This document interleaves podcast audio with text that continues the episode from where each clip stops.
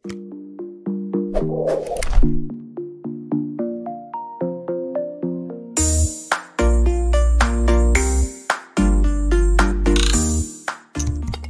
ini didukung oleh Desa WiFi, Tol Langit Desa Indonesia. Selamat pagi, salam bahagia kerabat Desa Indonesia. Selamat menikmati pekan, membuka pekan hari Senin ini. Uh, tetap baru semangat karena memang di uh, setiap hari Senin itu harus semangatnya luar biasa. Pagi ini kita sudah kehadiran tamu, Mas Rio. Ini pernah mendapatkan penghargaan sebagai pemuda pelopor nasional 2011.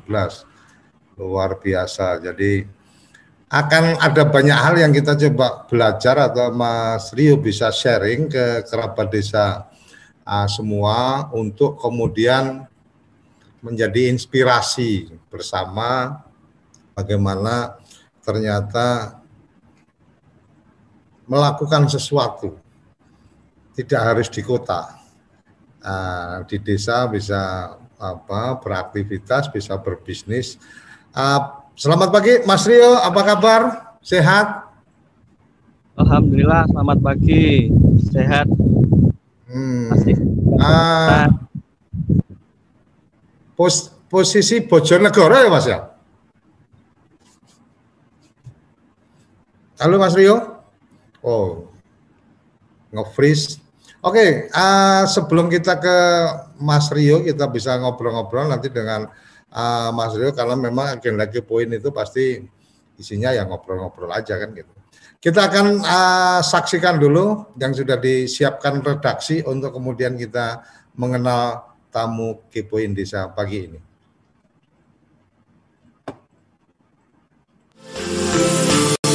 Tidak ada yang tabu bagi seorang pemuda sekali Dita Rionaldi yang sudah mendapatkan anugerah pemuda power nasional tahun 2011 untuk berkarya dari desa. Merintis usaha dari desa kemudian bisa menginspirasi banyak pemuda dari desa kelahirannya.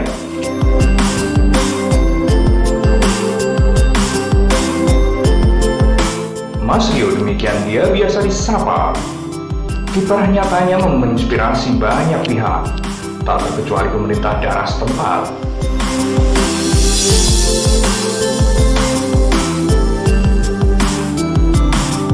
Mas Rio dari Bojonegoro.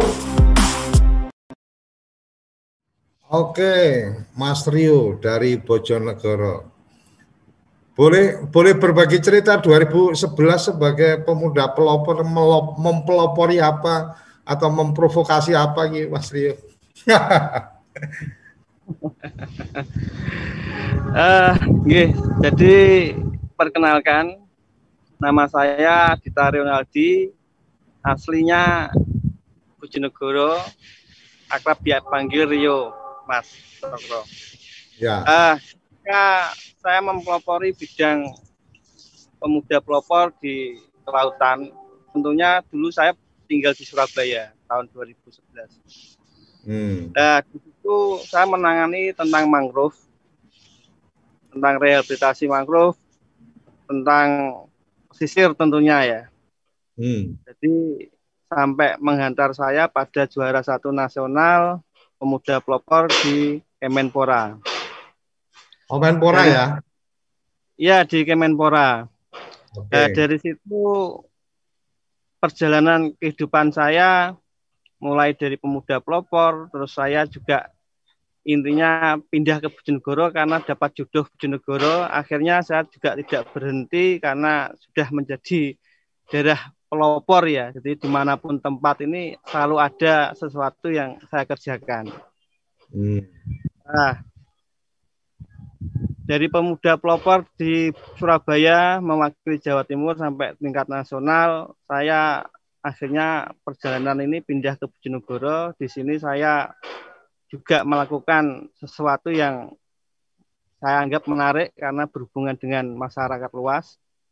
Hmm. Terlepas dari saat ini apa isu-isu pandemik COVID-19 ini saya sudah uh, sebelum COVID sudah melakukan hal-hal yang berhubungan dengan masyarakat luas, Mas. Seperti itu. Jadi di Bojonegoro ini saya memiliki konsep permakultur yang saya kerjakan saat ini. Permakultur itu apa? Nah, banyak yang belum mengerti apa itu permakultur. Ah. Permakultur ini kalau biasa ngetrennya pertanian terpadu, Mas. Oh, pertanian okay. terpadu. Nah, di situ ada pertanian, perikanan, peternakan yang intinya untuk ketahanan pangan keluarga. Dilakukan di pekarangan atau piye ceritanya itu? Konsep uh, uh, garis bus apa konsepnya kayak apa, Mas? Permakultur itu bisa dikerjakan di pekarangan rumah dengan hmm. lahan sempit ataupun luas. Hmm. Seperti itu. Tergantung ini apa dia memiliki lahan luas atau sempit bisa sama saja tinggal aplikasi. Aplikasinya lahan sempit ini harus bagaimana, lahan luas itu bagaimana karena di dalam permakultur itu juga ada konsep untuk penataan ruang zona-zona hmm. yang harus juga di taati di permakultur sendiri. Jadi hmm. ada zona satu, zona dua, zona satu itu berdekatan dengan tanaman pangan apa, zona dua itu kita taruh di situ uh, tentang peternakan dan perikanan dan zona tiga itu apa. Kalau itu yang luas, cuma kalau yang sempit bahannya tidak punya lahan, jadi ya ini cukup dengan hidroponik, aquaponik menyesuaikan lahannya. Bisa diatur seperti itu. Itu saya Dan, kerjakan ini mas. Jadi saya kerjakan sebelum pandemik sebenarnya. Hmm. dan pangan keluarga ini. Jadi dan itu diaplikasikan di masyarakat di sekitar tempat Mas Rio sekarang berada atau kemudian juga Mas Rio melakukan apa asistensi atau melakukan pendampingan kepada teman-teman yang ada di ada di lokasi-lokasi yang jauh atau ada juga dengan kerjasama dengan para pihak? Uh, iya, jadi memang awalnya saya kerjakan di lingkungan saya sendiri, intinya di pekarangan saya sendiri. Nah, karena apa? Prinsipnya gini, ketika saya berprinsip bahwa untuk memenuhi kebutuhan keluarga, saya harus bisa melakukan apa menggunakan lahan saya untuk bisa ditanami. Jadi ada sayur, ada berternak ayam, berternak kambing, terus berternak ikan. Ya, ikan ini juga bisa dimanfaatkan untuk dagingnya, ayam bisa dimanfaatkan untuk telur dan dagingnya seperti itu. Jadi kebutuhan pangan keluarga ini terpenuhi dari pekarangan sendiri. Hmm. Nah, ketika ada ini, Mas, apa ini pandemik ini ya kemarin ini hmm. juga sangat saya terbantu dari pekarangan sendiri. Jadi artinya, ketika artinya karena secara bisnis secara bisnis kemudian berkurang kemudian kebutuhan apa kebutuhan konsumsi bisa dari pekarangan atau ada ada yang ada cerita lain ini tentang apa terbantu ya, dengan ini, apa karena pandemi ini. Uh, memang gini, ketika saat ini saya kerjakan ini banyak yang melihat, mendengar, dan kepingin. Jadi akhirnya apa? Saya berusaha untuk uh, memberikan atau berbagi sharing ilmu ini, permakultur ini di, di kalangan teman-teman, terus jejaring, komunitas. Ya Alhamdulillah sampai hari ini saya ini juga dapat uh, melakukan di tempat-tempat lain. Jadi satu Bojonegoro ini satu kabupaten ini ada sekitar empat tempat mas yang saya kerjakan. Hmm. Jadi tidak di desa saya sendiri, ini ada di Mojo, ada di Kepuh Baru, seperti itu. Untuk Ma dia melihat apa yang saya kerjakan itu. Mas Rio mengerjakan ini konteksnya menggunakan satu institusi organisasi tertentu atau uh, apa hanya pribadi aja mengerjakannya? Uh, gini, jadi saya juga mengerjakannya ini secara bersama-sama dengan komunitas karena saya jejaring saya komunitas mengajak komunitas akhirnya sistem kerjanya saling membantu mas. Jadi teman-teman yang mempunyai konsep permakultur juga akhirnya kita bekerja sama mengerjakan di tempat teman-teman yang lain. Jadi apa yang kita perlukan apa yang kita butuhkan uh, kita bisa bersama-sama. Memang awalnya sendiri tapi kita sekarang sudah punya komunitas akhirnya kita bisa apa mengerjakannya ini bersama-sama. Komunitas apa namanya? Kalau boleh tahu. Namanya Tirto Agro Amerto, Mas. Apa kuwi? Tirto Agro Argo Amerto. Tirto ki banyu, agro berarti pertanian, Amerto kuwi apa? Kehidupan. Apa? Kehidupan. Kehidupan Berarti kehidupan kehidupan yang berbasis pada pertanian yang mengandalkan air. Nah, rano banyu berarti rano kehidupan, eh? Ya, air ini kan sumber kehidupan, Mas. Oke. Gitu. Terus uh, kalau boleh tahu Tirta, Am, Tirta Amerta sendiri uh, sebagai satu komunitas kan pasti punya satu mimpi besar tentang oh ke depan kita akan melakukan apa dan seterusnya. Boleh berbagi cerita Mas, idenya awalnya dengan akhirnya membentuk komunitas, kemudian komunitas ini ke depan akan seperti apa dan seterusnya?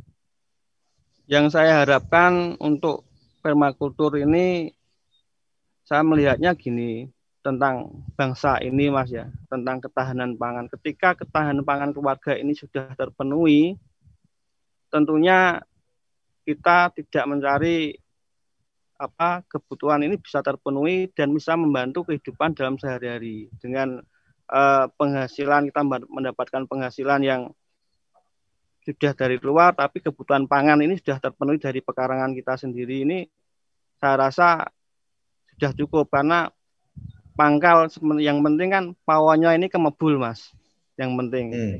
apalagi di masa covid ini banyak kita mau keluar juga banyak apa himbauan-himbauan, banyak larang-larangan sehingga juga akhirnya kita juga di rumah lah. Di rumah ini juga harus melakukan kegiatan.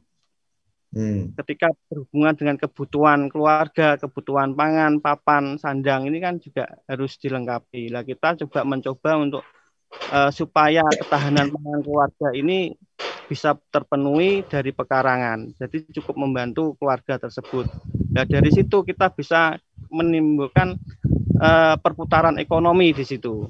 Karena ketika kita lakukan, kita menanam, kita berpanen, kita bisa berbagi hasil, bisa tukar menekar dengan kawan yang punya komunitas permakultur. Ketika saya punya telur banyak, bisa saya tukarkan dengan sayur milik teman saya. Seperti itu. Jadi hmm. konsepnya saling membantu, tolong menolong. Ketika kebutuhan pangan ini sudah terpenuhi, uh, insya Allah apa ini uh, kita kokoh mas, karena ketahanan pangan keluarga ini.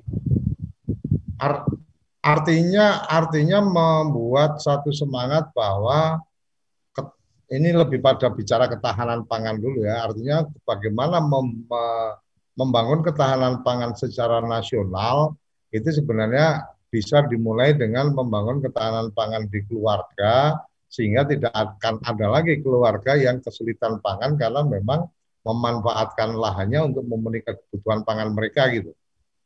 Ya, betul sekali Mas. Jadi seperti hmm. itu karena kita awali dari yang kecil dulu lewat keluarga.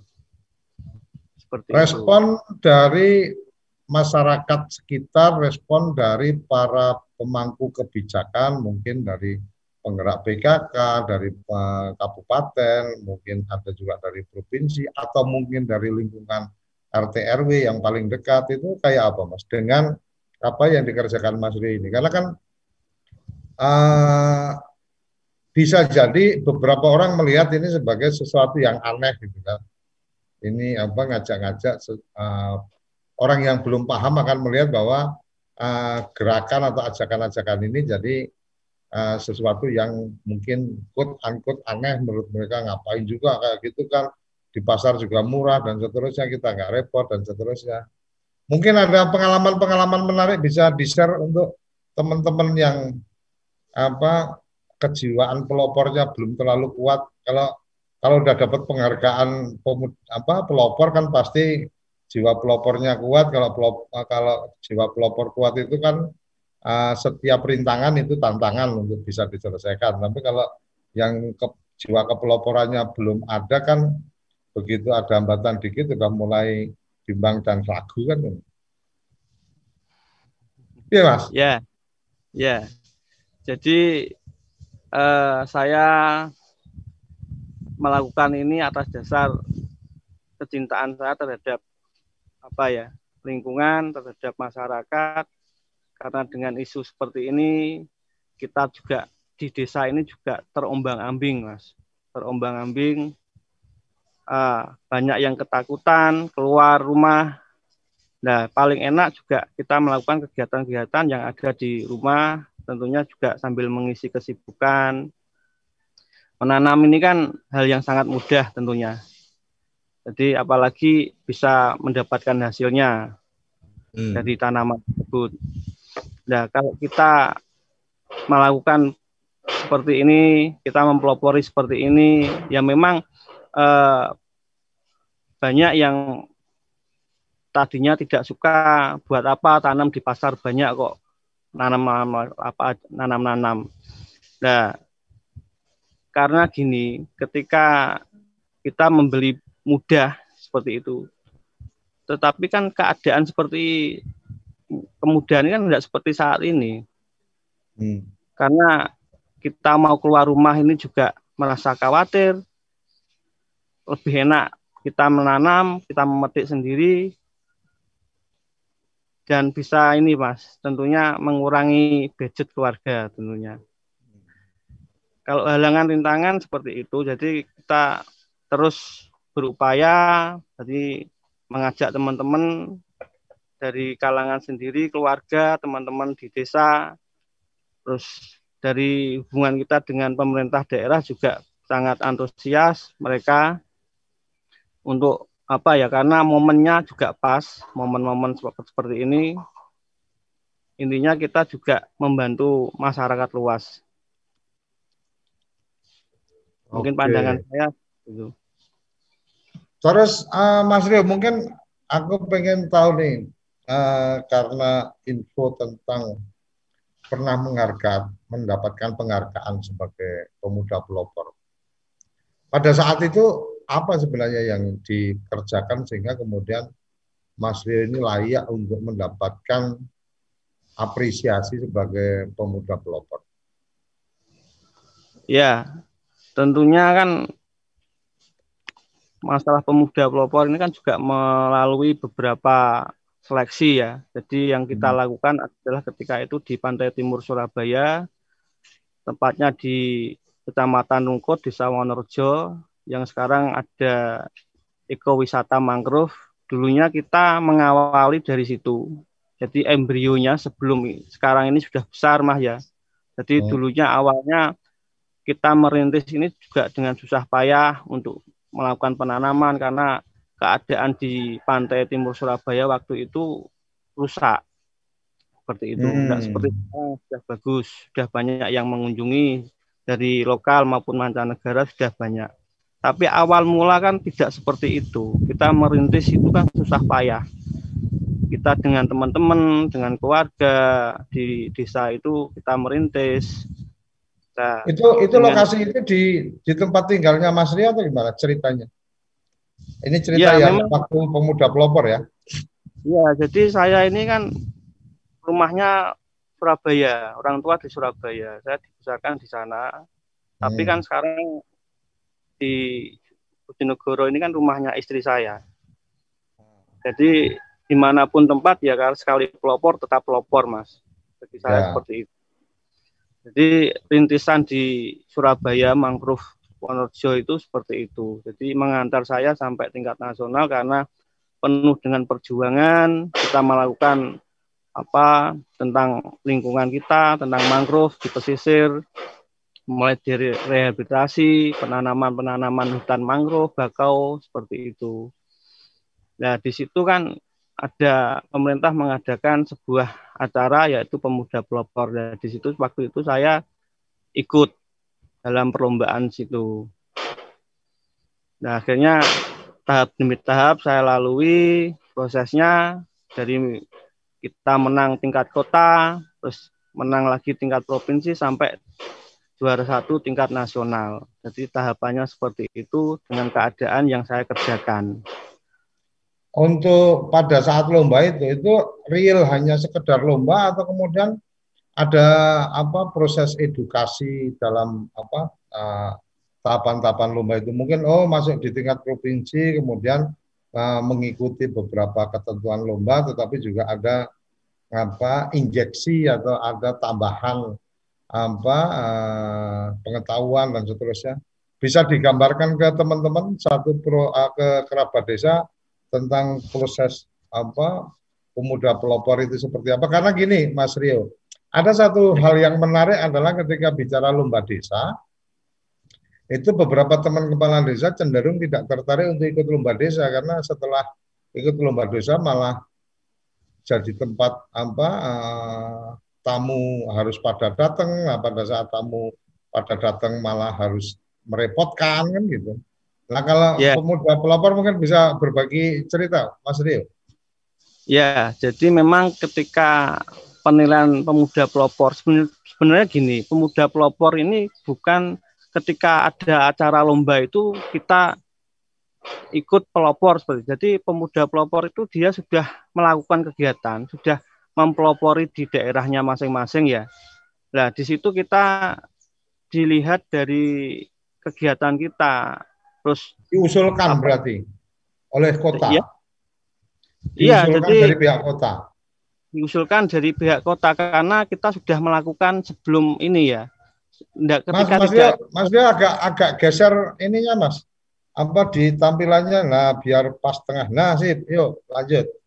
Ya jadi kita sudah melakukan dulu mas kegiatan-kegiatan di masyarakat yang berdampak tentang apa lingkungan tentang ekonomi di situ jadi bukan serta merta kita ikut lomba tidak punya kegiatan apa-apa bukan Hmm. Karena fisiknya saja kita sudah ada hasilnya kegiatan itu. Nah, mengenai penilaian dari tingkat kota, terus kita maju tingkat provinsi, provinsi juga ada ininya penjuriannya lagi, terus penilaian di lapangan, kemudian tingkat nasional pun juga seperti itu. Memang melalui tahap-tahapan yang sangat lama sekali waktu itu, karena ada apa presentasi, ada penilaian di lingkungannya masing-masing seperti itu. Nah, dari hasil itu jurilah yang bisa menilai ini layak apa tidaknya. Kalau masalah kita dikunjungi setelah menang nanti banyak kunjungan, banyak ini waktu terus waktu kita tersisa untuk apa ada tamu dan lain-lain yaitu konsekuensinya konsekuensi yang harus kita hadapi ketika kita ini seolah sudah mengudara mas ya nanti ah. banyak kunjungan, banyak dari mana tamu-tamu itu datang. Lah ini kita harus menjelaskan karena apa? Ini bagian dari eh, konsekuensi yang harus kita jalani karena kita ini kan pelopor ini kan harus siap menghadapi itu semua. Ketika banyak yang datang, kita harus menjelaskan, harus menyaringkan apa kegiatan kita, ilmu kita, kita sharingkan ke teman-teman yang datang seperti itu. Ya memang rutinitas seperti itu karena ya nyun sewu saya tidak dari pegawai negeri atau apa ya kan karena saya sos apa swasta. Nah, hmm. jadi waktu saya memang saya habiskan untuk untuk seperti itu. Jadi yang saya lakukan berarti, memang kayak berarti di ini kita ngobrol di pemuda pelopor dulu ya. Uh, ya. Berarti di proses pemuda pelopor ketika kemudian lomba dan seterusnya itu memang lebih pada usulan. Kemudian pe, mungkin pertanyaan berikutnya adalah ketika sudah mendapatkan penghargaan sebagai pemuda pelopor sebenarnya ada manfaat apa Mas Rio yang kemudian bisa diterima atau didapatkan selain mungkin sertifikat atau piagam penghargaan atau piala atau apa? Artinya apa sih manfaatnya kemudian uh, ketika mendapatkan apresiasi menjadi apa uh, juara atau pemenang lomba pemuda pelopor? Kalau bagi saya pribadi gini Mas, tentang saya dianugerahi juara satu nasional itu kan suatu proses ya, proses yang harus uh, saya jalani. Tapi secara pribadi itu cuma sebagai apa ya? Uh, inilah apa uh, sebagai bisa dikatakan penganugerahan penganugerahan terhadap kegiatan saya yang sudah awal sudah saya lakukan. Tetapi hmm. intinya tidak itu mas. Intinya itu bukan saya harus apa dapat juara satu nasional pemuda pelopor ini harus ini enggak. Jadi yang penting ini kita bisa bermanfaat bagi orang lain. Kalau saya pribadi seperti itu.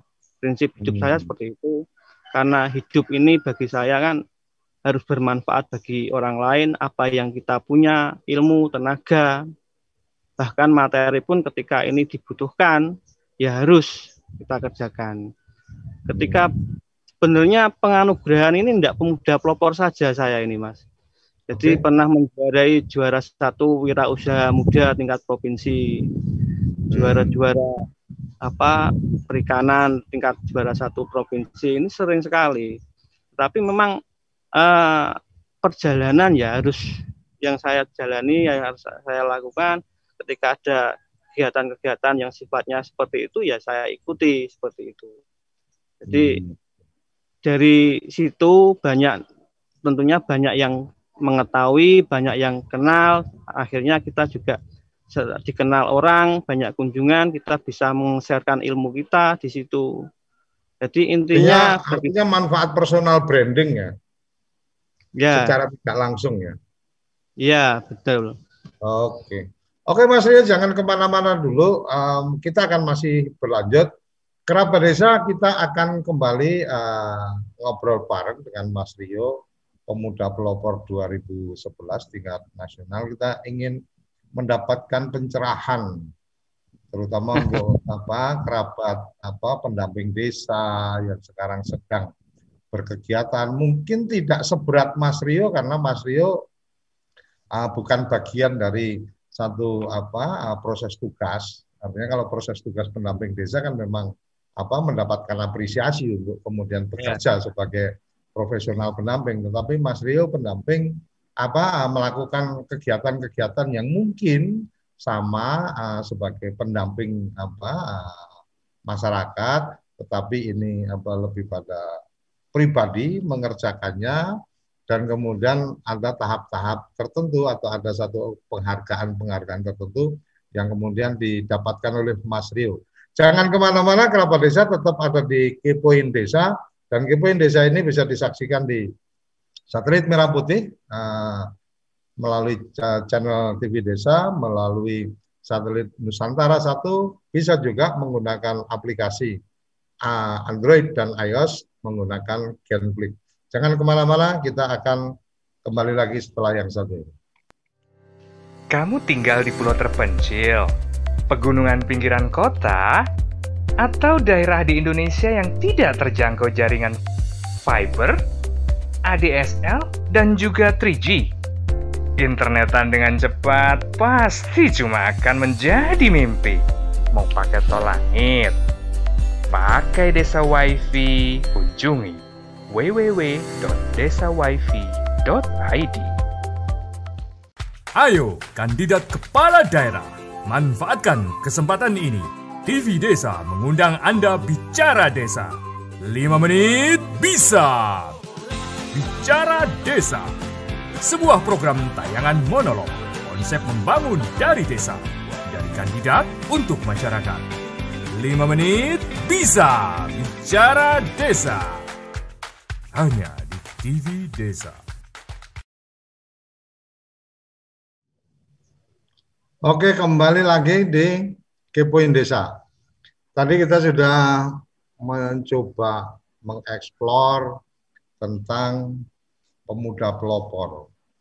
Kemudian jiwa kepeloporan dari 2011 semoga masih bertahan karena mungkin kalau 2011 hari ini 2020 sudah 9 tahun yang lalu saya nggak uh, saya nggak tahu dulu masih bujangan sekarang sudah ama sudah punya keluarga dan seterusnya secara perjalanan pasti ada sesuatu yang apa sudah melingkupi apakah kejiwaan pelopornya masih ada atau kemudian uh, suasana atau cerita perjalanan itu kemudian membuat kepeloporan ini semakin kuat atau semakin meredup.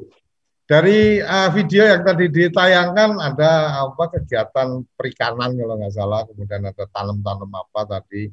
Kemudian uh, dari tim redaksi kita juga menyampaikan bahwa Ibu Bupati Bojonegoro juga sempat sampai ke lokasi binaannya Mas Rio gitu kan.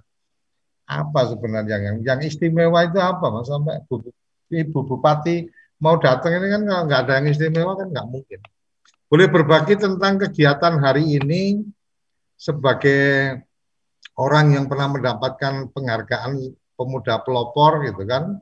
Kemudian sekarang masih berkegiatan sebagai pelopor atau pelapor atau pengekor.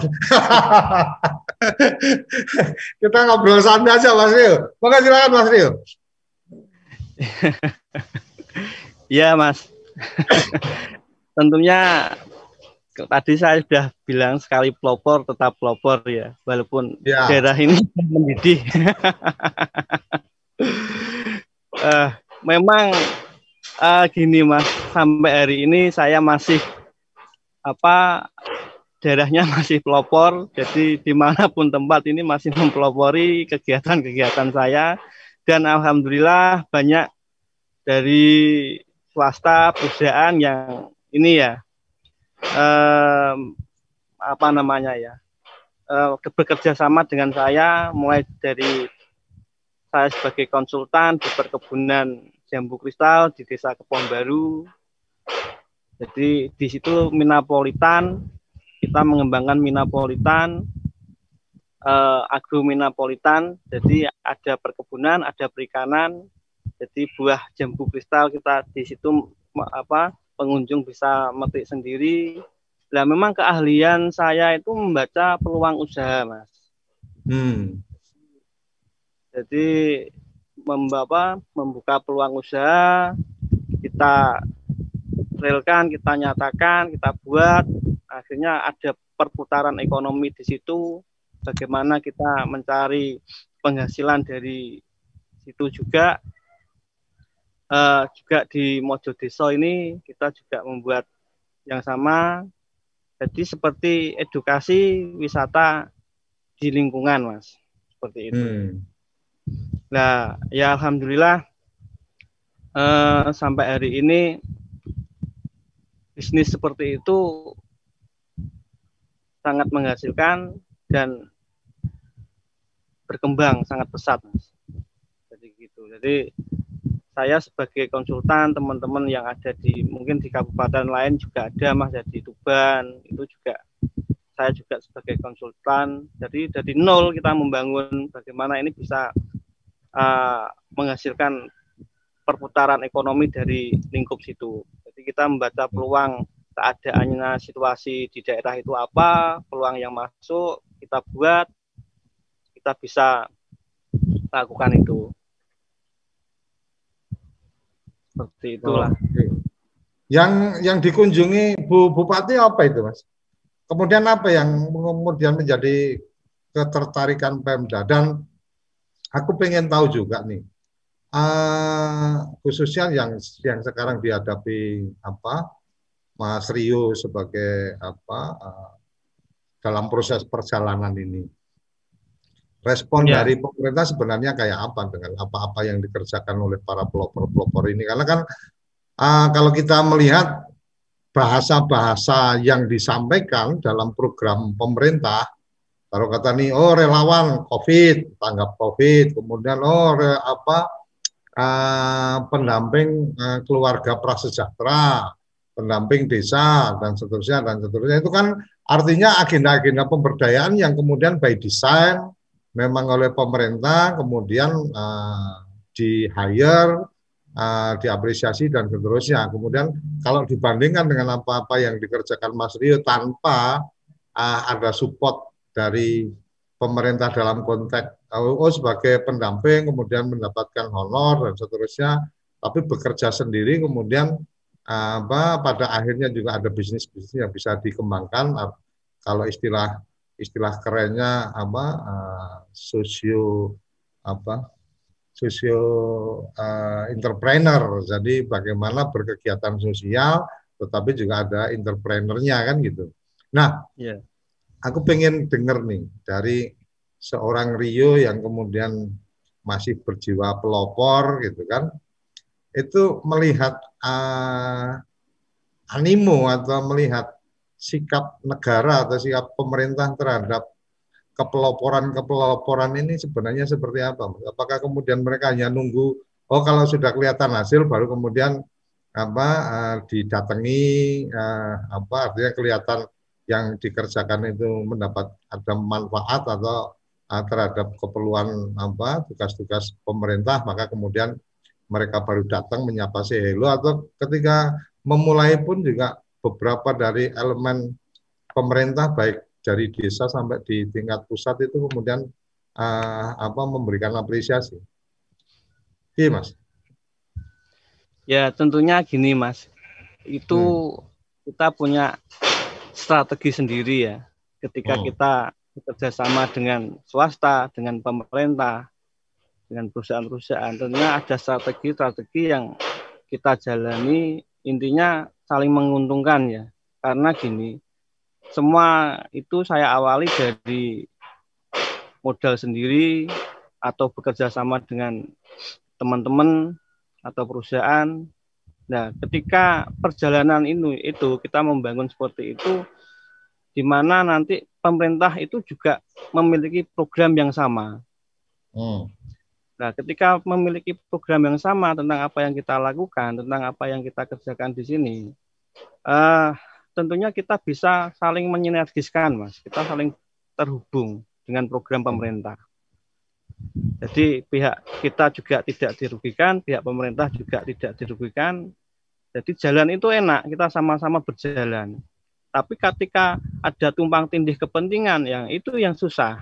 Jadi kita menghindari hal-hal yang seperti itu karena ketika pengalaman dari 2019 sampai sekarang saya berhubungan dengan pemerintah ini kan sudah lama sekali dalam artian hmm. kerjasama hmm. untuk apa pun ya yang saya kerjakan ini. Nah di situ kan saya punya uh, mengambil uh, kesimpulan oh seperti inilah ketika berjalan dengan pemerintah atau pihak perusahaan kita yang harus kita sikapi sikapnya pinter-pinter kita mas seperti itu pinter-pinter kita menyikapi. Ketika sama-sama diuntungkan, oke okay lah nggak masalah kan? Ketika sama-sama diuntungkan. Tapi ketika ini, ini ilmu ilmu yang paling ilmu yang paling angel pinter-pinter kita. Jadi ilmu yang yang paling ini yang harus yang harus mungkin pagi ini aku pengen dapat pencerahan juga. Pinter-pinter nah, kita, pinter-pinter kita. Terus kalau dulu itu apa ya ngono ya ngono dengan aja ngono artinya toleransi yang kemudian dalam tanda petik dan seterusnya.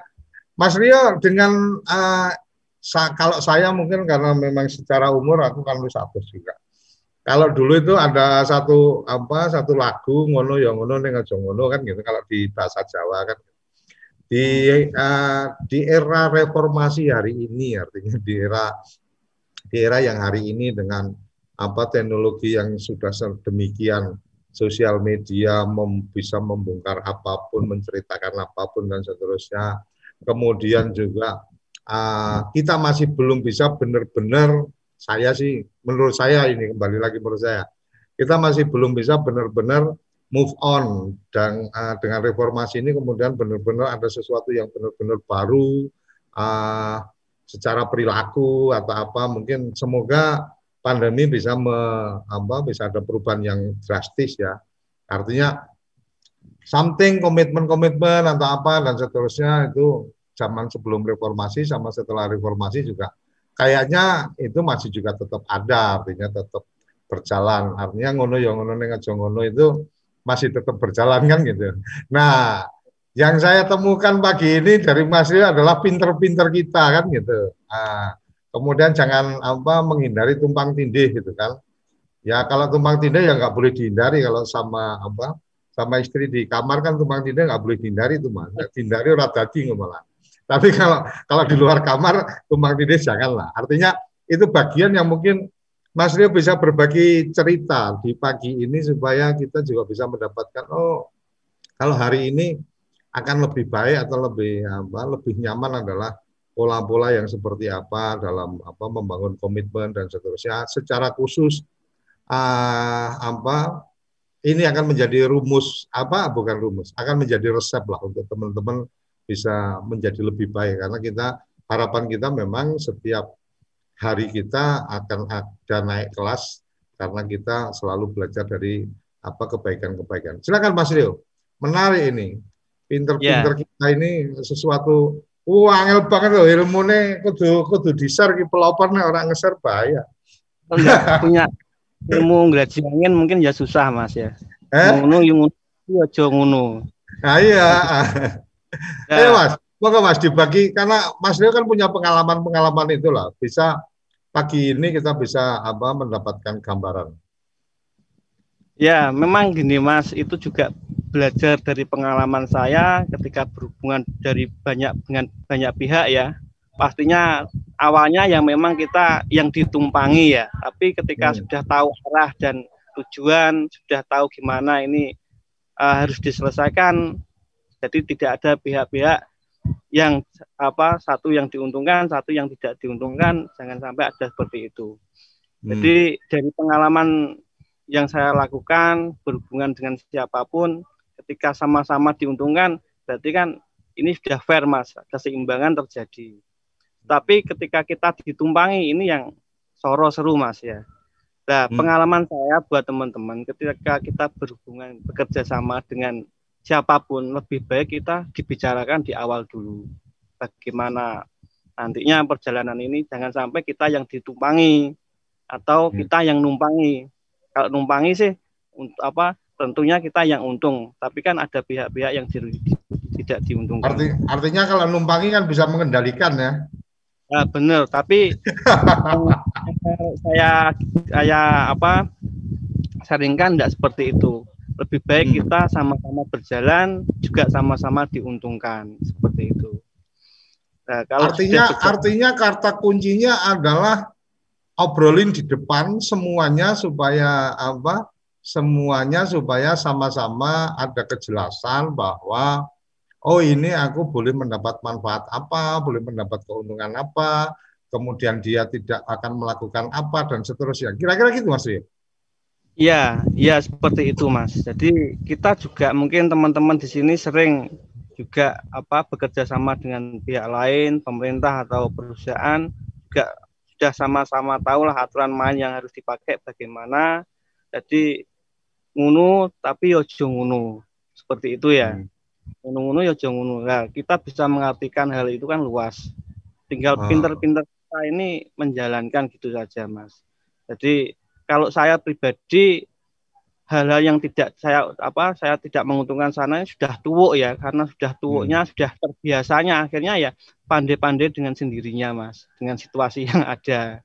Kayak gitu. Nah, artinya nah, pasti, artinya suka nggak suka? Suka nggak suka bahwa uh, secara apa? Secara jam terbang atau secara pengalaman perjalanan itu yang kemudian me menguatkan kita atau menambah ilmu kita gitu ya Mas kira-kira. Betul sekali. Jadi dari proses seperti itu Mas ya perjalanan ini pasti ada hikmah-hikmah, ada pembelajaran-pembelajaran yang kita dapatkan. Jadi dari pelajaran itu kita bisa menyimpulkan arah hmm. ini bagaimana, kita bersikap ini bagaimana dengan siapa pun. Uh, karena apa? ketika sudah berhubungan dengan dua pihak, tiga pihak, tentu saja kita harus uh, kesepakatan yang harus dijalankan, Mas. Seperti itu. Hmm. Artinya memang itu menjadi bagian yang sangat penting untuk kemudian kalau dulu itu istilahnya lebih baik kita ribut di depan daripada uh, setelah berproses berjalan kemudian kita jadi ribut kan gitu. Artinya yeah. ya ya apa-apa itu diomongin di depan dan Mas Rio kalau uh, melihat yang tadi uh, balik lagi ke yang tadi nih ke bupati yang sempat datang ke lokasi apa binaan Mas Rio atau itu datang ke lokasi binaan atau di datang di lokasi bisnisnya Mas Rio itu? Uh, jadi gini, yeah. Agromina Politan ini kita kerjasama dengan teman-teman Mas, jadi hmm. sampai bisa menjadi perputaran ekonomi di situ dan itu menghasilkan sesuatu yang sangat ini mas uh, membantu perekonomian bisa keluarga sampai masyarakat. Apa Jadi, itu yang dikerjakan apa di agrominapolitan itu? Tanam apa, kemudian ikanannya apa dan seterusnya? Boleh ya, dibagi cerita?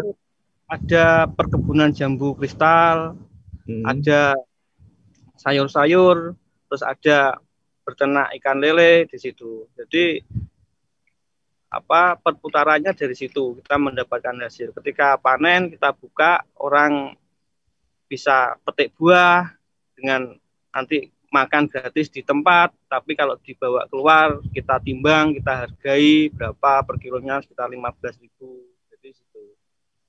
Jambu Dan kristal itu jambu kristal ini sing jambu gede-gede itu ya Mas, yang ya, apa dagingnya tebel itu ya? Uh, bijinya tidak begitu banyak itu ya rasanya manis. Ah, Jadi okay, okay, okay.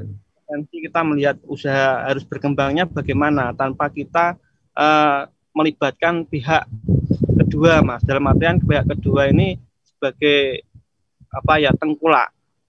Tidak hmm. usah tengkulak apa uh, jual di lokasi ini sudah laku. Artinya kalau kalau cuma pengen makan jambunya berarti dimakan di situ gratis. Gratis. Tapi kan kita sudah bisa gini toh mas. Uh, mengakulasi ya. Dimakan hmm. di situ orang itu kan dua ini sudah kenyang. Hmm.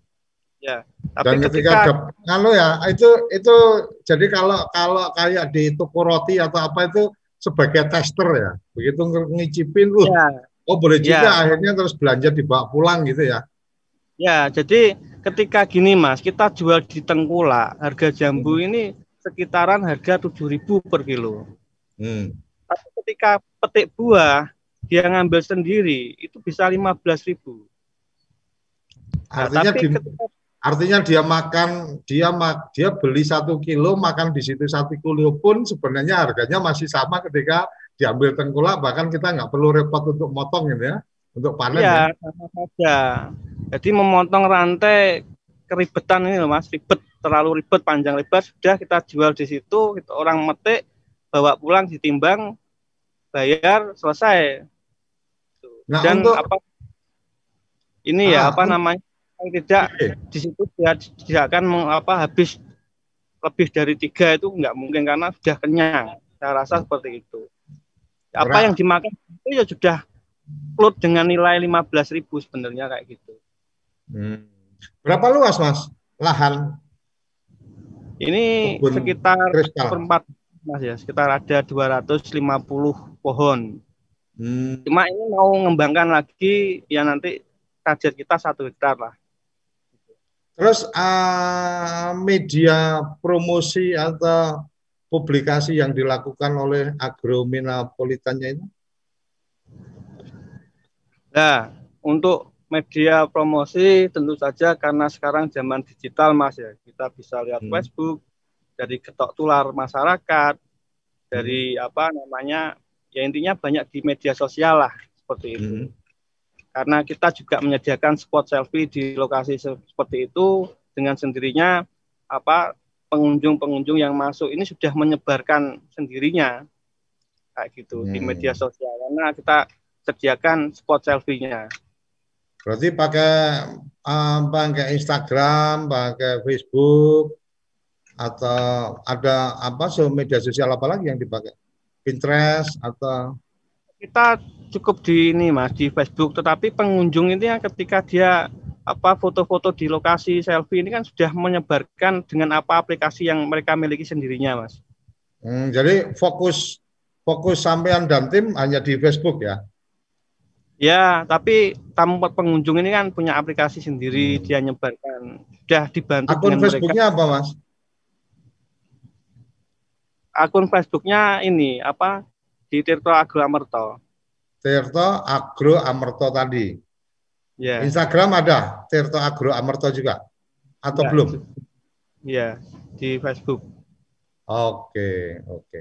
Tapi ya mas. ini mas pengunjung nah. ya banyak yang pakai apa ya Instagramnya sendiri-sendiri untuk dia menyebarkan. Ya. Mungkin kan mungkin kan ketika ketika Terto Agro Amerto ini juga punya akun uh, Instagram kan bisa menyampaikan ke teman-teman kalau upload uh, dan seterusnya boleh mention jadi kan orang jadi tahu oh ini ada apa Terto Agro Amerto kemudian dia bisa berkomunikasi dengan teman-teman pengelola mungkin oh saya kalau pengen rombongan terus tempatnya ditutup, enggak ada orang lain yang boleh masuk, bisa enggak dan seterusnya kan menjadi lebih gampang saya pikir untuk apa berkomunikasi dengan pengelola. Kira-kira kayak gitu sih kalau kalau saya sih kepikirannya ya, itu. Jadi ya. memang uh, dunia digital hari ini suka tidak suka kita harus ikuti, kita terus masuk dan bagaimana sebisa mungkin kita memanfaatkan secara maksimal mungkin ya artinya memanfaatkan media itu secara maksimal. Uh, Mas, tanpa terasa ini kita tinggal apa empat menit lagi kita di penghujung acara. Mas Rio, mungkin Anda ada tips-tips atau ada yang ingin disampaikan Mas Rio sebagai seorang yang pernah mendapatkan penghargaan sebagai pemuda pelopor terhadap kondisi hari ini, terhadap saat ini yang mungkin desa sekarang begitu seksi gitu kan. Banyak orang ngomongin desa. Badan usaha milik desa juga begitu seksi karena banyak sekali para pihak yang juga sedang mempersiapkan aturan gitu kan. Nah, kemudian pandemi ini membuat orang-orang yang mungkin tadinya kerja di kota yang masih bujangan ketika ada apa kena PHK suka tidak suka pulang ke desa gitu kan. Nah, mungkin ada sesuatu yang bisa disampaikan uh, dari Mas Rio untuk kerabat desa di Indonesia yang menyaksikan acara ini uh, untuk kemudian bisa menjadi inspirasi atau apa gagasan-gagasan uh, bahwa ada sesuatu nih di desa. Jangan pernah takut pulang ke desa atau apa pun itu yang ada di apa benak Mas Rio untuk closing statement kita. Silakan Mas Rio. Ya, terima kasih Mas. Jadi untuk teman-teman di masa yang sulit ini jangan pernah menyerah. Tentunya juga mundur ini juga bukan solusi. Yang tepat kita harus beradaptasi dengan uh, problematika saat ini, dengan keadaan seperti ini, kita harus beradaptasi, menciptakan peluang-peluang ide-ide kreatif dengan keadaan seperti ini. Yang penting kita tulus, kita berbuat dengan tulus uh, dan bisa bermanfaat bagi sesama, bermanfaat bagi lingkungan, masyarakat. Kita terus berkarya, jangan pernah berhenti. Karena apa? Pedoman hidup kita adalah bisa bermanfaat bagi orang lain seperti itu. Dan itu sudah isinya dunia itu seperti itu. Kita bisa bermanfaat karena kita diciptakan di dunia ini sebagai khalifah, kita harus bermanfaat untuk ketentraman bumi ini yang kita huni. Semoga apa yang kita cita-citakan bersama terwujud walaupun masa-masa pandemik ini semoga juga cepat berlalu. Bagi saya seperti itu bermanfaat ini adalah sebuah kunci sukses buat saya. Uh, dari saya seperti itu Mas. Mungkin nah itulah gambaran sosok saya, profil saya Rio tentang anugerah itu bukan apa-apa, tapi ketika ketika kita bisa menyenangkan hati orang lain, kita bisa berbuat sesuatu buat orang lain positif, inilah apa kunci hidup kita. Jadi ada kedamaian yang kita lakukan di situ. Bagi saya terima kasih dari saya itu Mas. Oke, terima kasih. Pesan luar biasa dari seorang pemuda pelopor Mas Rio yang sekarang tinggal di Bojonegoro, dulu di Surabaya, bagaimana hidup kita harus memberikan kemanfaatan terhadap orang lain, bagaimana kebahagiaan kita adalah pada saat kita bisa juga membahagiakan orang lain. Ini sesuatu yang luar biasa. Jangan ta, jangan takut atau jangan mudah menyerah. Semua apa yang terjadi hari ini, semua kesulitan-kesulitan yang ada hari ini adalah bagian yang perlu dicarikan solusi, uh, perlu dicarikan jalan keluar dan kepeloporan itu menjadi sangat penting uh, tertanam di jiwa kita bahwa kita kalau tadi catatan enggak kalau enggak salah dari catatannya adalah kita menjadi harus menjadi bagian menyelesaikan masalah karena sebagai khalifah di bumi ini. Itu kira-kira yang bisa saya simpulkan luar biasa. Terima kasih Mas Rio untuk uh, berkenan menjadi tamu kita di Kepoin Desa edisi ke 63, jadi tidak terasa kita sudah masuk di edisi yang ke-63. Setiap hari Senin sampai Jumat pukul 8 pagi sampai pukul 9 kita akan uh, menghadirkan tamu-tamu istimewa, bisa berbagi cerita, berbagi inspirasi, berbagi semangat untuk memuliakan desa-desa di seluruh Indonesia. Kerabat desa yang ingin mengusulkan seseorang yang apa kita ya, perlu kita undang menjadi tamu di Kepoin Desa bisa menghubungi di official uh, eh, WA TV Desa 083 kali 01317160. Bisa berikan usulan siapa yang layak untuk bisa menjadi tamu di Kepoin Desa dan ya, kita akan tim redaksi akan mencoba menghubungi untuk bisa mengundang usulan teman-teman bisa datang di ruang kita yaitu Kepoin Desa. Sampai di sini episode hari ini ke-63 kita akan berjumpa di episode berikutnya dengan tamu-tamu yang luar biasa lainnya. Salam bahagia kerabat desa Indonesia, sampai jumpa. Cara